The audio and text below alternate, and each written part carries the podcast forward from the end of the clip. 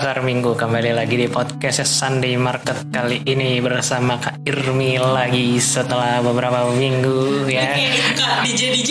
Iya, teteh, ada di Jakarta keras gitu gitu. Happy birthday untuk teteh untuk Irmi. Ya, Oke, oke, openingnya meriah ya. Meriah sekali. Iya, Oke iya, kak itu iya. jadi gimana kabarnya kak? Ya, stres. Stres ya. Kebanyakan Kan kita kerjaan PSBB dong. Iya. PSBB terus. Betul, PSBB kedua dan kemungkinan akan diperpanjang lagi Jilid, sampai jilid berapa ini? Udah jilid berapa? perpanjangan jilid ya Perpanjangan untuk Tuhan, ya bukan? nggak tahu lah ya Oke. pokoknya udah lama pokoknya ini per, uh, PSBB keduanya diperpanjang lagi dengar-dengar Yes. sampai tanggal 11, Sampai 11, Ok- katanya. ya katanya sampai 11 Katanya Oktober sampai 11 Oktober kalau rakyatnya tertib. gitu ya tapi ya tapi mudah-mudahan dengan PSBB kedua ini bisa lebih efektif menekan jumlah uh, pertumbuhan pengidap uh, COVID-19 dan Pengidap. Iya. Apa sih terinfeksi ko- uh, virus COVID-19 ya mudah-mudahan dengan ini bisa bisa cepat berkurang dan kita bisa secepatnya kembali ke aktivitas seperti sedia kala ya karena tujuh bulan ini terasa sangat menjemukan ya lama-lama ya. Betul apalagi yang di rumah ibadahnya online terus online terus nggak ketemu orang kok kayaknya lama-lama kayak nggak bersekutu gitu rasanya ya. Tapi mudah-mudahan dengan adanya podcast ini teman-teman semua nggak merasa jemu-jemu juga untuk mendengarkan firman Tuhan di setiap Amin, minggunya. Amin, amin. meskipun dengan segala keterbatasan mudah-mudahan tidak mengurangi semangat kita untuk mendengarkan firman Tuhan. Bukan begitu Kak Irmi? Harapannya seperti itu kak dan Ya. memang harus tidak boleh jenuh kalau untuk mendengarkan firman Tuhan ya adik-adik betul sekali jadi gimana kak? Ya. mau ngapain? Oke, ya seperti biasa pasti mau sharing firman dong. Oh, Bapak- mungkin kita bikin kirain podcast mau ngobrol. acara baru di sini Oh enggak enggak belum belum ya. oh belum ya pak Belum belum saya nggak bisa bikin acara. Oke. gimana gimana pak Oke, minggu ini kita akan ngebahas tentang wow judulnya menarik nih. tema di SBT-nya berat berat sih menurut saya berat Hmm, kenapa bisa gitu Irmi? Ya, menurut Bapak aja anak terun. Ini temanya nih apa pun tantangannya, teruslah memberitakan Injil Kristus. Gak usah anak teruna lah, seumuran kita aja. Emang Ya. gampang memberitakan Injil Kristus. Betul. Ya kan, kita maksudnya sekarang dunia ini penuh dengan kesensitifan menurut saya. Ya, ya, apalagi adik-adik. kalau ngomongin suku agama dan ras ya. Yes, betul. Karena bukan cuma orang Kristen doang yang ada di Indonesia. Betul. Apalagi kita bisa dibilang sering banget dibilang, eh kamu minoritas ya. Jadi kalau Minoritas. pengertian pengertiannya, ya oke. Hmm, tapi kita tidak mau membahas isu itu kali ya. Ini cuma secara tidak. garis besar. Ya kita sering lah mendengar berita-berita seperti itu ya. Tapi tanpa menyudutkan salah satu agama atau banyak agama lain, kita akan fokus lebih ke tentang tantangan memberitakan Injilnya. Yang tadi Kak Irmi bilang itu salah satu tantangan mungkin untuk lingkup yang lebih besar mungkin ya. Ya betul. Tapi mudah-mudahan dalam lingkup lebih kecil seharusnya nggak se nggak sesulit itu harusnya ya. Maksudnya nggak nggak se ekstrim itu itu contoh Pasti ekstrim lah ya. ada ada ininya lah cara cara simpel untuk adik teruna atau kakak layan. Betul betul betul. Oke kalau begitu sesuai dengan tagline-nya apa pun tantangannya teruslah memberitakan Injil Kristus apa pun makanannya minumnya tetap air putih ya teman-teman. Oke. Hah, krik sekali. Kalau gitu Kak Irmi silahkan dibuka melalui doa pembuka seperti Oke, biasa Irmi seperti ya. biasa kita mau masuk dalam firman Tuhan, kita akan baca, kita akan merenungkan, kita juga akan mendengarkan sharing nih antara Kak Irmi dan Kak Ito. Yes. Um, tapi sebelumnya adik-adik boleh siapkan dulu Alkitabnya, boleh boleh siapkan hatinya, boleh siapkan dirinya dengan sikap sempurna, sikap yang baik, duduk yang manis ya adik-adik ya. Jangan mentang-mentang kakak layannya nggak ada, mama papanya nggak merhatiin, terus kalian dengerin firmannya sambil tiduran. Tidak seperti itu. Oke adik-adik, kita akan masuk dalam firman Tuhan, tapi sebelumnya mari kita satukan hati kita berdoa.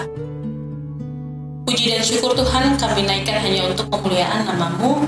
Terima kasih atas kebaikanmu dalam hidup kami sehingga pada hari Minggu ini Tuhan kami masih boleh diberikan waktu untuk mendengarkan firman-Mu. Kami masih diberikan waktu untuk membaca firman-Mu. Berkatilah hati dan pikiran kami ya Tuhan Yesus supaya kami dapat memahami isi hatimu Tuhan melalui firman pada hari ini. Berkati adik-adik teruna kami yang ada di rumah ya Tuhan yang mendengarkan podcast kami. Berkati juga hambamu dan Kak Ito Tuhan yang pada hari ini akan men-sharingkan firman-Mu. Terima kasih Tuhan ampuni kesalahan dan dosa-dosa kami. Engkau sangat baik Tuhan. Amin. Amin. Amin. Oke. Bahan kita minggu ini dari mana Kak Irmi? Dari kisah para rasul adik-adik, dari kisah para rasul. Oke, itu perjanjian baru ya. Yang ke-19 Ya. Kisah para rasul 19 ayat 1 sampai 12.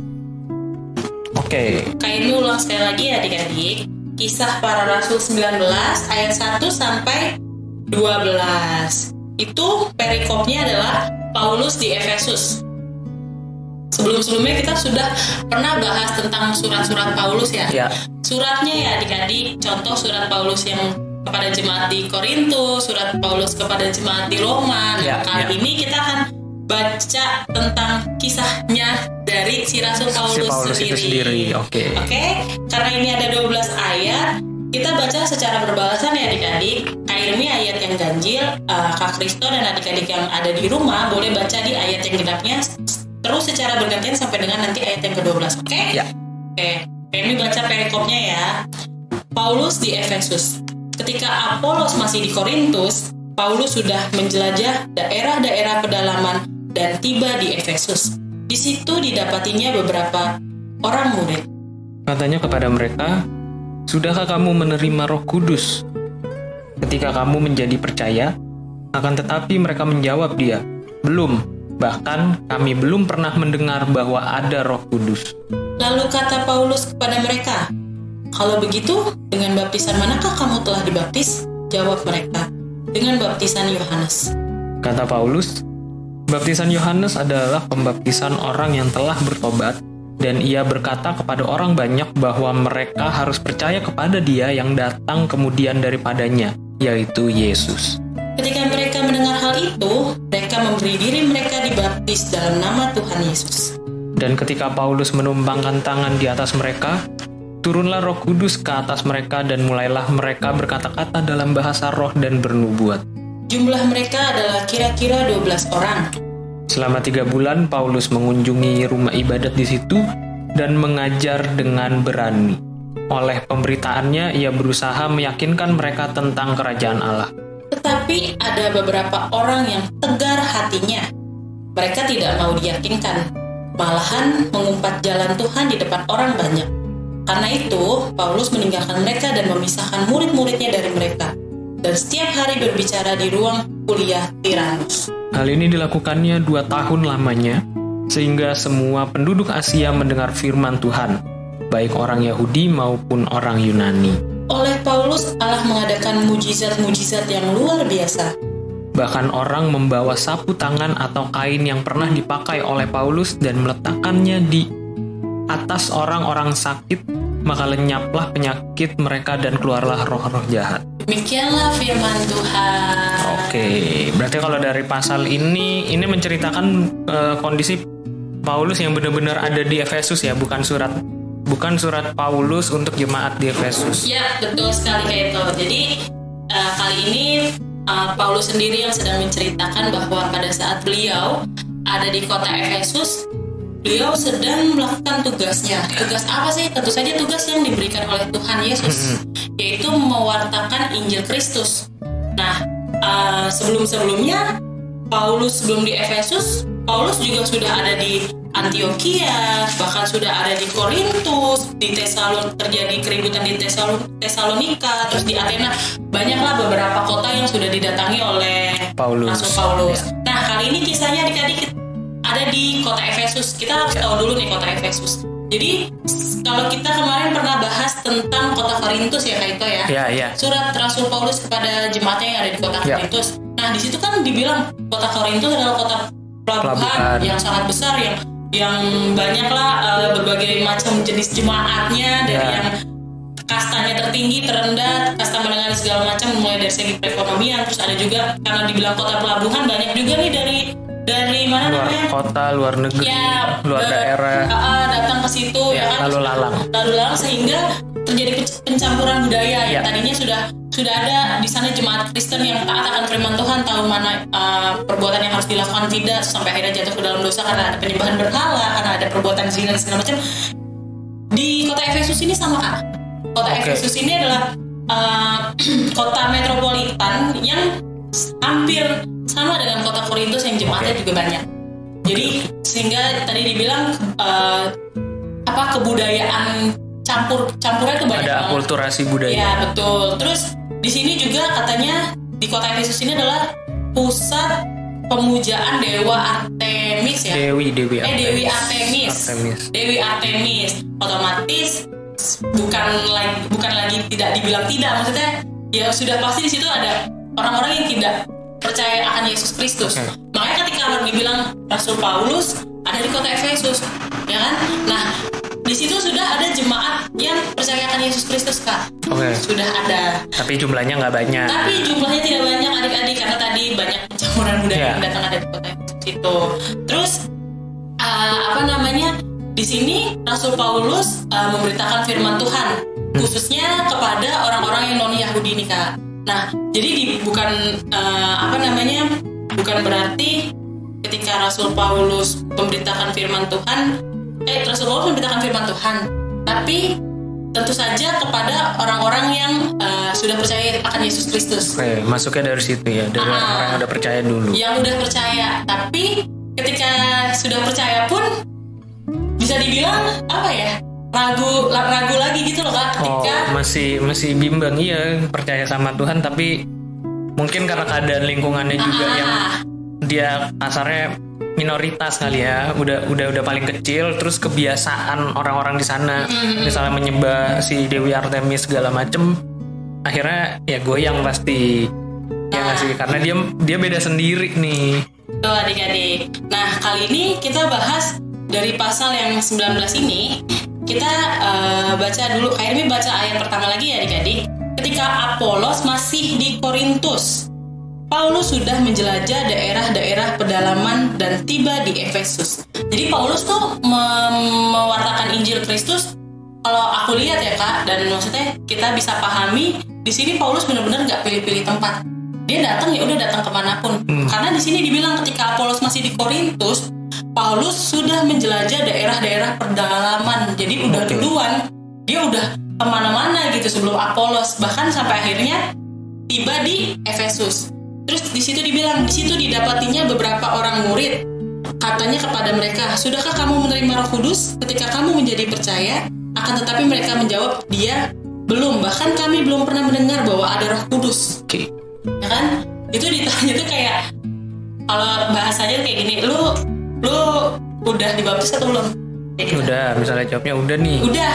Nah, terus dibilang baptisannya baptisan Roh Kudus. Atau di sini karena di sini dibahas lagi nih ya adik-adik sebentar. Lalu kata Paulus kepada mereka, kalau begitu dengan baptisan manakah kamu telah dibaptis? Jawab mereka dengan baptisan Yohanes. oke Ya kan? baptisan pertobatan tadi ya sempat Ya, dibahas ya, gitu. di sini dibilang kalau um, baptisan Yohanes itu adalah baptisan untuk orang-orang yang telah bertobat. Oke, bukan Makanya- baptisan untuk mengakui bahwa dia menerima Kristus sebagai juru selamat. Yes, betul. Makanya ditanya eh, apa namanya? Sudahkah kamu menerima Roh Kudus? Ya kan?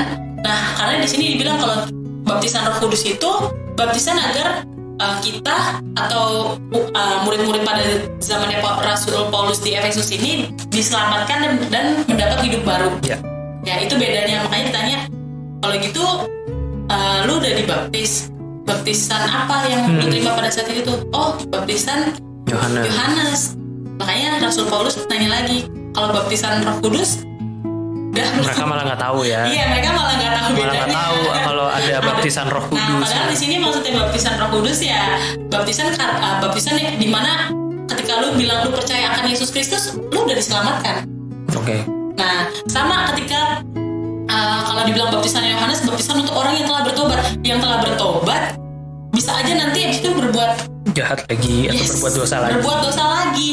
Makanya dibilang kalau baptisan Roh Kudus sudah pasti diselamatkan Ya. oleh Yesus Kristus. Lanjut ya adik-adik. Terus em, ayat berapa nih? Kemudian daripada itu ketika mereka mendengar hal itu ayat 5 ya adik-adik. Mereka memberi diri dibaptis dalam nama Tuhan Yesus. Ya. Akhirnya mereka memberi diri mereka untuk dibaptis ah, baptisan Roh Kudus karena mereka sudah memahami karena Rasul Paulus menjelaskan kembali di situ ya adik-adik.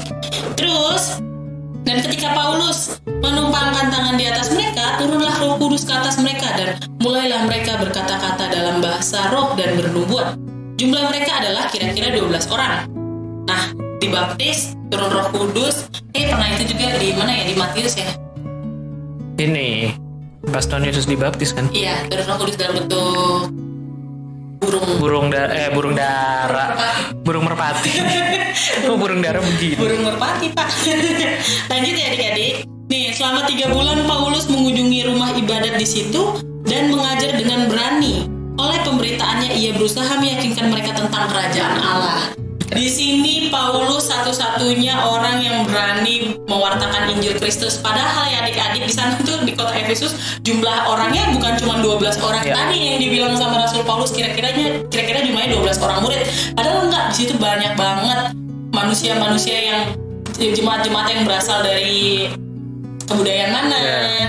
Tuhannya Tuhan yang mana segala macam. Terus sampai akhirnya eh, di sini Paulus tetap di dalam nama Tuhan Yesus gue akan tetap Ngajar, Injil ya. Kristus gitu loh. Gue tetap Meskipun cuma 12 orang.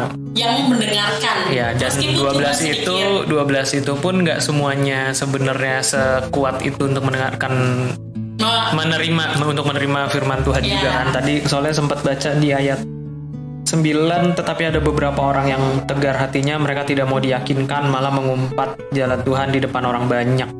Karena itu Paulus meninggalkan mereka dan memisahkan murid-muridnya dari mereka dan setiap hari berbicara di ruang kuliah Tiranus. Nah. Jadi ruang kuliah Tiranus itu kalau bisa dibilang tuh aula aula yang bentuknya besar banget. Hmm, Di situ tempat di tempat di mana je- uh, jemaat-jemaat uh, di Korintus itu ber- eh di Korintus sorry ya di, Di di Efesus. Itu berkumpul. Nah, di, di mana juga kadang ada rasul bukan rasul sih kayak pengajar-pengajar lain yang di situ mewartakan Injil juga tapi bukan Injil Kristus mungkin bisa dibilang kayak gitu. Nah, Oke. di sini salah satunya di sini dengan beraninya Rasul Paulus ada di aula itu Kak, di aula Tiranus. Iya, di ruang kuliah Tiranus ini yang sangat besar dan dia mewartakan Injil Kristus. Tadi kayak itu bilang di ayat 9 banyak yang apa namanya apa namanya Tegar hatinya. tegar hati, nggak percaya, nggak mau diyakinkan. Tapi di sini apa yang terjadi? Rasul Paulus nggak peduli. Kayak kalau Tapi ta- dipisahin juga kan Iya, pada akhirnya. Ras- Rasul Paulus tidak fokus kepada orang-orang yang tidak percaya akan firman Iya. Tuhan Intinya dia ngajar orang yang mau yang lagi disampaikan. Dia cuman peduli, dia cuman mau mewartakan Injil Tuhan. Kalau kamu tidak percaya ya sudah, Hmm. gitu kan. Intinya dia melaksanakan tugas dia dengan sepenuh hati dan bahkan karena dia nggak mau fokus sama orang-orang yang nggak percaya, ya udah dia memisahkan nih murid-murid Iya, dia. yang karena dia mau fokus, belajar. dia karena dia mau fokus adik-adik sama eh, apa namanya murid-murid yang mau apa percayaan firman Tuhan Hmm. dia nggak fokus sama omongan orang lah intinya gitu dia nggak fokus apa kata orang Ya. intinya saya di sini Rasul Paulus mau mewartakan Injil Kristus itu yang terjadi lalu dibilang eh, kalau dibilang tantangannya itu tadi banyak yang nggak peduli banyak yang menentang Rasul Paulus Rasul Paulus tidak didengarkan Ya. bahkan eh, apa namanya mungkin apa sih namanya dia dijauhi dan segala mac- macam terus jadi bahan omongan di kota Efesus. Ya. Terus selanjutnya adik-adik, hal ini dilakukannya dua tahun lamanya, nggak sebentar Oke. loh, itu kayak itu lama banget. Sehingga semua penduduk Asia mendengar firman Tuhan baik orang Yahudi maupun orang Yunani. Oleh Paulus Allah mengadakan mujizat-mujizat yang luar biasa.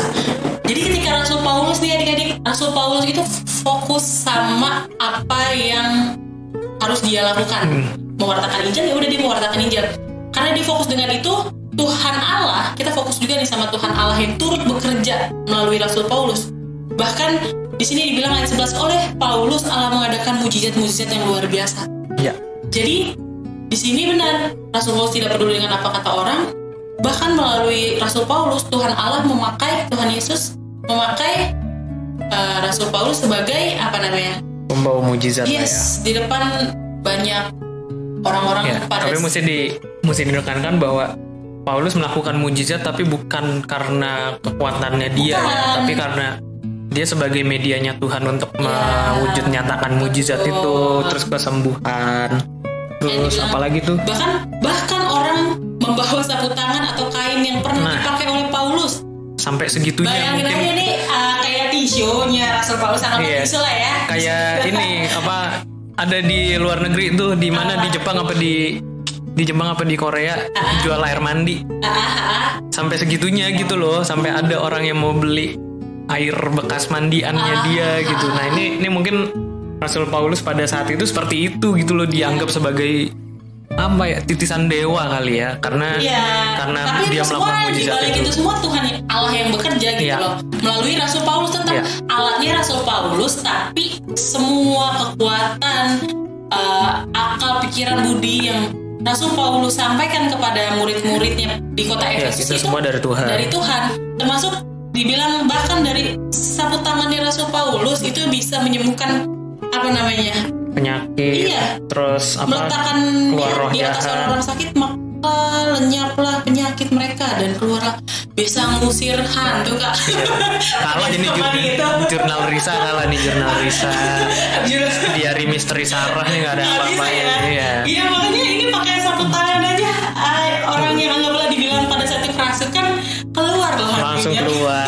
ini kan berarti suatu mujizat Iya. yang luar biasa tanda dari Tuhan Allah yang ditunjukkan melalui Rasul Paulus Ya, ya dan kan berarti selama 2 tahun ini terjadi pertambahan dong dari 12 orang yang diajar. ya Kalau karena kalau dibilang di di ayat sini 10 ya. Uh, dibilang apa namanya sehingga semua penduduk Asia mendengar firman Tuhan baik orang Yahudi Ya. maupun orang Yunani. Berarti maksudnya fokusnya berarti bukan mendengar itu belum tentu percaya kan. Cuman Yes. at least dengan apa yang Paulus lakukan Lakukan. selama 20 orang poin dia untuk memberitakan Injil sebenarnya tercapai eh dua eh dua tahun. Dia kan Oh, nggak maksudnya dia kan dua tahun nih ngelakuin hal yang tadi tuh. Ah, ngedidik 12 orang selama dua, ta- dua tahun sampai akhirnya dibilang bahwa sehingga semua penduduk Asia mendengar firman Tuhan.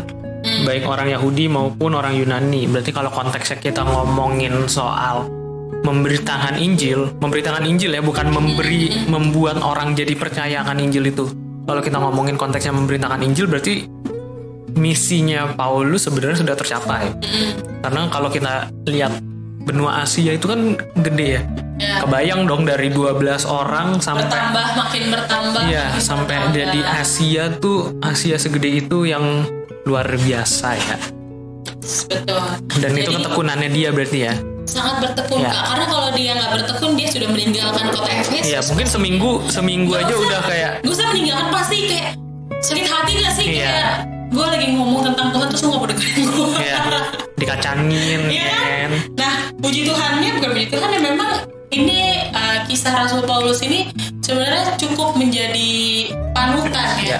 menjadi contoh sosok sosok apa ya, sosok seorang pengajar penginjil yang bisa ditiru gitu loh dalam kehidupan kita sehari-hari sebagai anggaplah kita ya kan sebagai kealayan ya kan belum tentu kita sekuat Rasul Paulus ya kan Betul. kita ngajarin anggaplah ini adik-adik ya kalian nih ngajar kalau kita lagi tatap muka aja nih kayak ibadah online kalian berisik aja kita kadang nggak sabar gitu kayak Duh berisik banget sih adik-adik gitu.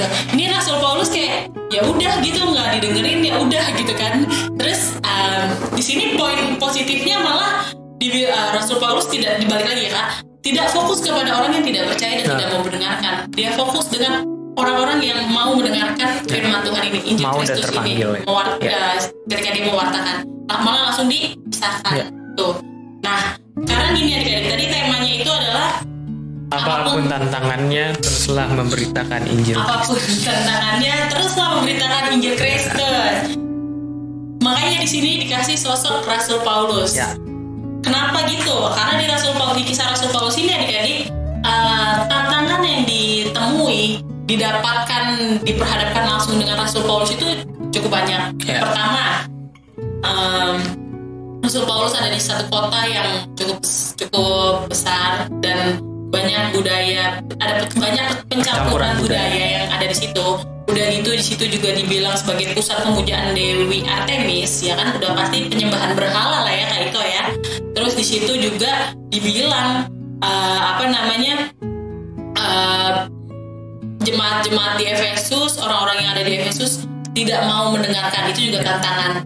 Terus uh, sekarang kita bahas ke fokus ke kehidupan kita sehari-hari ya kayak itu ya.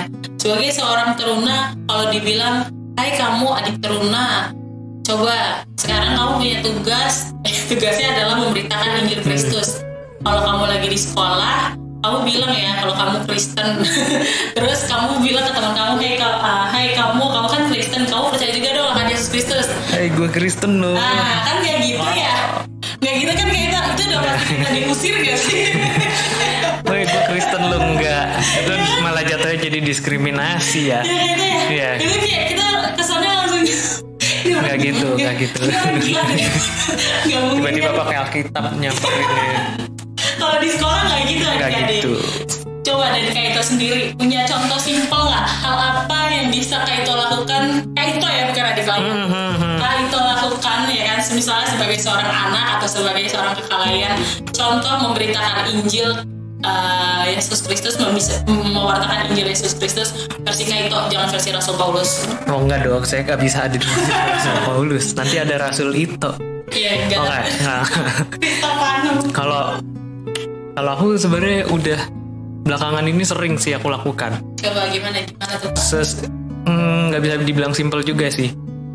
Mungkin buat teman-teman ada yang suka ngelihat kalau misalnya aku sharing sesuatu yang rohani di sosial media. Enggak, soalnya kayak itu kalau nge-share di close friends adik-adik. Jadi kalau adik-adik bukan teman dekatnya kayak itu,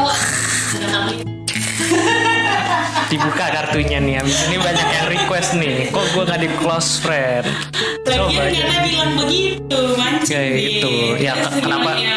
kenapa di close friend? Karena sama kayak Paulus tadi, nggak semua orang itu dalam tanda kutip layak untuk mendapatkan itu gitu loh. Jadi di- kalau aku sendiri memilih-milih supaya apa? Supaya nanti nggak jadi kesannya menghakimi atau kesannya gimana. Tapi intinya adalah yang aku lakukan pasti kalau pagi tuh saat teduh, berdoa dan lain-lain Iya. sebagainya.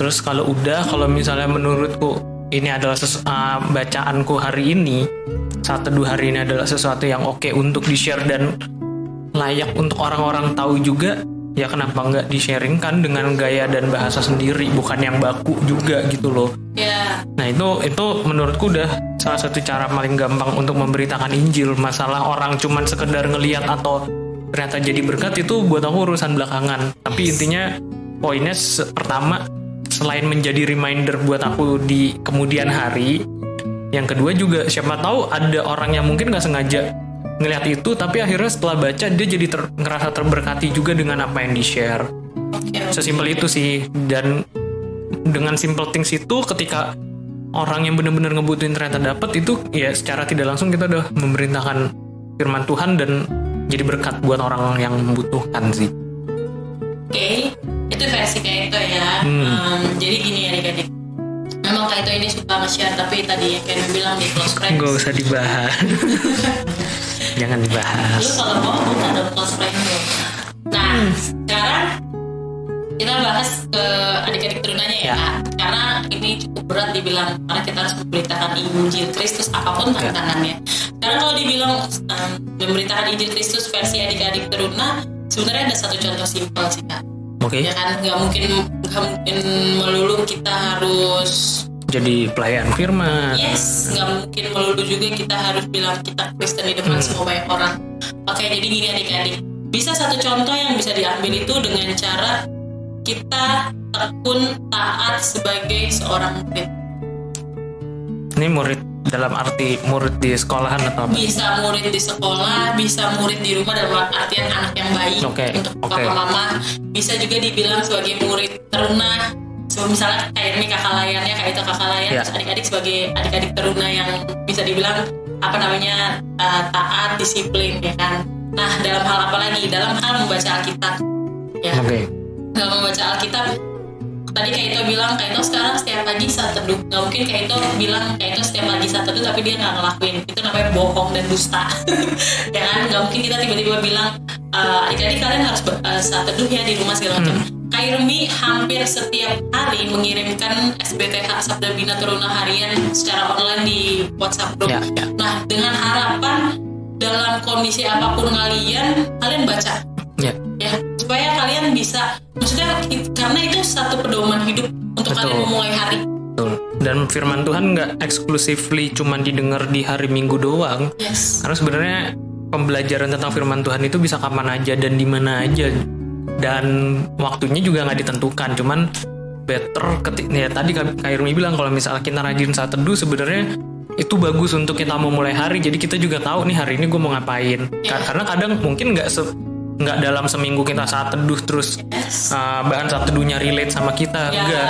Tapi pasti akan ada satu titik di mana mungkin kita lagi bingung kita lagi sedih kita lagi bimbang apa segala macam entah kenapa bacaan saat teduh itu kok bisa relate banget nah relate banget. dan kalaupun itu nggak relate ya jadikan aja pelajaran. Karena mungkin suatu nah, beberapa hari kemudian atau di waktu-waktu ke depan ternyata eh dulu gue pernah baca ini di saat teduh ternyata gue mesti ngehadapinnya seperti ini bla bla bla bla itu masih akan berguna nggak cuman sekedar bacaan yang diwajibin tapi nggak ada artinya nggak Ya, Ya, ya. nggak kayak gitu. makanya Kak Ermi berharap ketika Kak Ermi share SBTH di grup WhatsApp adik-adik benar-benar Iya. bisa teduh dan membaca itu. Nah, kenapa begitu? Karena dengan dengan contoh simpel kalian rajin saat teduh, ya kan? Kalian dapat firmannya, kalian Yes. mengerti memahami maksud dari firman Tuhan, itu udah salah satu contoh bentuk uh, apa namanya? Kita sebagai uh, adik teruna yang bisa dibilang mem- apa memberitakan Injil Kristus. Ya. Karena apa? Dari kalian memahami uh, firman Tuhan ini pun ketika suatu hari nanti, suatu hari nanti kita ada di suatu apa namanya kelompok atau kita ada di suatu tempat yang anggaplah itu bisa dibilang um, misalnya apa ya kelompok ini deh kalian tadi kemarin tuh Kak Eki kasih contoh pendalaman Persekutuan. persekutuan Ya, pendalaman. Alkitab kita bisa sharing di situ sama sama kita sama teman-teman kita yang uh, seiman sama kita dan otomatis itu kan membantu teman-teman kita Ya. juga ya kalau dibilang sulit nggak uh, dibilang sulit sulit saat teduh tiap hari sulit kok untuk mendisiplin ngeluangin waktunya sih mendisiplinkan waktu diri kita untuk mau baca Ya. duduk sebentar doang tuh sulit tapi kalau misalnya tidak dimulai dari sekarang, Sekarang. kalian mau mulai kapan lagi Ya. gitu terus anggaplah kalau relate nya lagi nih kak. Adik-adik teruna yang sekolah di sekolah negeri ya kan? Mhm. otomatis akan ada banyak nggak tahu sih kayak dulu SD-nya SD negeri nih kayak Emi sempat ngerasain yang dibilang eh lu Kristen ya dibilang kayak gitu kan. Kan nggak mungkin kayak Emi nggak bilang gua Kristen ya. Cuman pada saat itu karena masih SD posisinya iya cuman gitu doang. Cuman nggak tahu harus apa lagi. Nah anggaplah sekarang ada yang Teruna ada yang di SMP-nya SMP negeri SMA-nya SMP SMA negeri. Terus dipertanya banyak akan anggaplah misalnya eh gue dengar dengar Tuhan lu ada tiga apa segala macam gitu gitu nah that's why kita harus baca firman Tuhan Yes. supaya kita paham adik-adik ketika kita dipertanyakan dengan hal-hal seperti itu yang tidak kita duga Ya. kita bisa menjawab siap siap untuk menjawab kita siap menjawab dan secara tidak langsung sudah memberitakan firman Tuhan Yes, juga seperti itu dengan menjelaskan secara baik-baik Ya. aja mereka akan paham oh maksudnya Tuhan mereka tiga tuh ternyata nggak seperti gitu. yang ada di otak kita ya, Ya. gitu itu contoh simple simple banget loh kak tapi susah buat sulit dilakuin karena kalau nggak ada kemauan juga nggak akan Nah, selain itu contoh simpel yang terakhir nih adik-adik. Ketika kita bisa menjadi contoh atau panutan untuk teman-teman kita yang di sekitar kita. Anggaplah em, kita ada di sekolah, kita tidak mencontek, ya kan? Itu kan juga maksudnya lo men- menunjukkan sikap apa ya? Kalau menurut aku sih sikap sosok teruna Kristen yang baik gitu loh.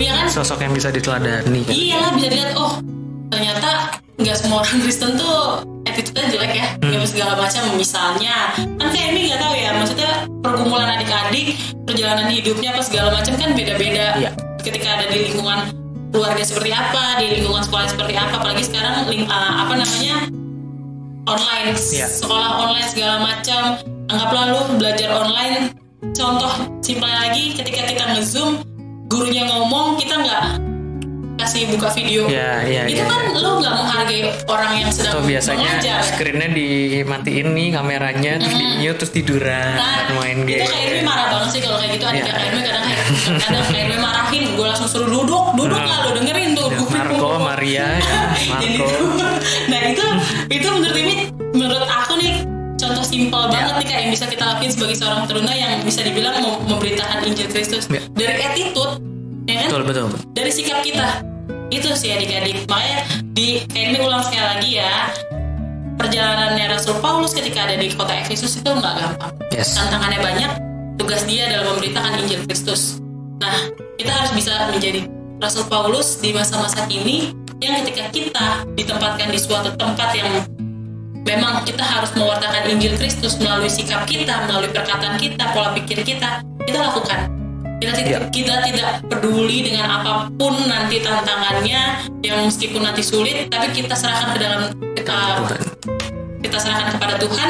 Kita percaya penuh apa yang kita lakuin. Yang penting kita lakuin yang terbaik. Iya. Karena pasti Tuhan akan mampukan kita untuk menjadi apa ya pewarta Injil Kristus yang Yes. baik di tengah-tengah kehidupan yang lagi sulit ini aja. Intinya ketika Tuhan udah mengutus dia juga pasti akan memperlengkapi Memampukan, kita, iya, mem- memampukan kita. Jadi Nggak jangan mungkin. pernah takut. Gak mungkin ditinggalin kok Yes. pasti dan percaya tapi ya itu tadi mulai dari diri sendiri baca Alkitab saat teduh berdoa jangan tinggalin itu jadilah murid yang baik yang mau mendengarkan dulu dan dan jaga hubungan pribadi dengan Tuhan ya Yes, sih. Karena betul. kalau kita nggak intim sama Tuhan, kita nggak kenal Tuhan kita siapa ya apa yang mau kita wartakan juga. Yes.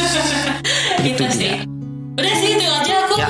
semoga adik-adik memahami firman Tuhan hari ini ya tapi kalau misalnya nanti ada akhirnya kurang jelas ngomongnya atau apa kalian bisa tanya Yes. langsung di grup Boleh boleh. macam Ini teman-teman boleh banget untuk sharing juga kali ya. Ya. Maksudnya jangan karena pandemi terus ngedengar sharing firman online terus udah gitu. Tapi kalau misalnya memang ada yang mau ditanyakan, ada yang mau di-sharingkan, Terus aja pelayan. PT siap open banget kok untuk mendengarkan keluh kesah kalian atau Iya. pertanyaan kalian. Jangan eh, jangan sampai karena pandemi ini udah secara fisik kita terpisah, secara emosional juga kita terpisah. Jangan sampai kayak gitu. Oke, itu aja sih Ya begitu. Oke kalau kita kayak silakan ditutup. Oke adik-adik, kita tutup firman kita eh, apa sharing firman Tuhan kita pada hari ini. Mari kita kembali bersatu dalam doa. Terima kasih Tuhan untuk firman-Mu. Biarlah kami belajar Tuhan dari Rasul Paulus Tuhan yang terus berani Tuhan mewartakan isi dari firman-Mu Tuhan di mana pun kami berada dan apa pun tantangannya. Mampukan kami Tuhan untuk melewati masa-masa sulit ini. Kami percaya Tuhan, Tuhan selalu menyertai kami. Terima kasih Tuhan Yesus, inilah doa kami. Amin. Amin. Amin. Oke sebelum kita tutup ada warta PT nggak kayak? Warta PT-nya eh, seperti biasa adik-adik karena kita PSBB lagi. Jadi Ya. kemarin ada yang tanya, Kak kalau misalnya aku kasih persembahan sama celengan-celengannya boleh nggak? Boleh.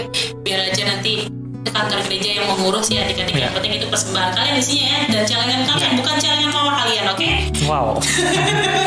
ya Terus, terus warta PT selanjutnya hmm, nanti akan dikabari di grup WhatsApp ya. Oke. Apakah nanti minggu depan kita akan ada podcast atau kita mau pendalaman Alkitab via Zoom di bagi Oh, oke. kelompok kecil aja. Kayak waktu Gitu ya. Kak Iki. Eh Ya. enggak ya? Kayak Ki. Oke. Betul sekali. Udah itu aja Kak. Terima Oke. kasih. Oke kalau gitu sekian podcastnya Sunday Market minggu ini semoga podcast hari ini sharing firman hari ini jadi berkat dan boleh kalian lakukan dalam kehidupan kalian sehari-hari dan ingat setiap apa pun yang kalian lakukan kalian sudah mewartakan firman Tuhan. Akhirnya aku Kaitno pamit. Saya Irmi pamit. Happy Sunday and have a blessed week. God bless you guys.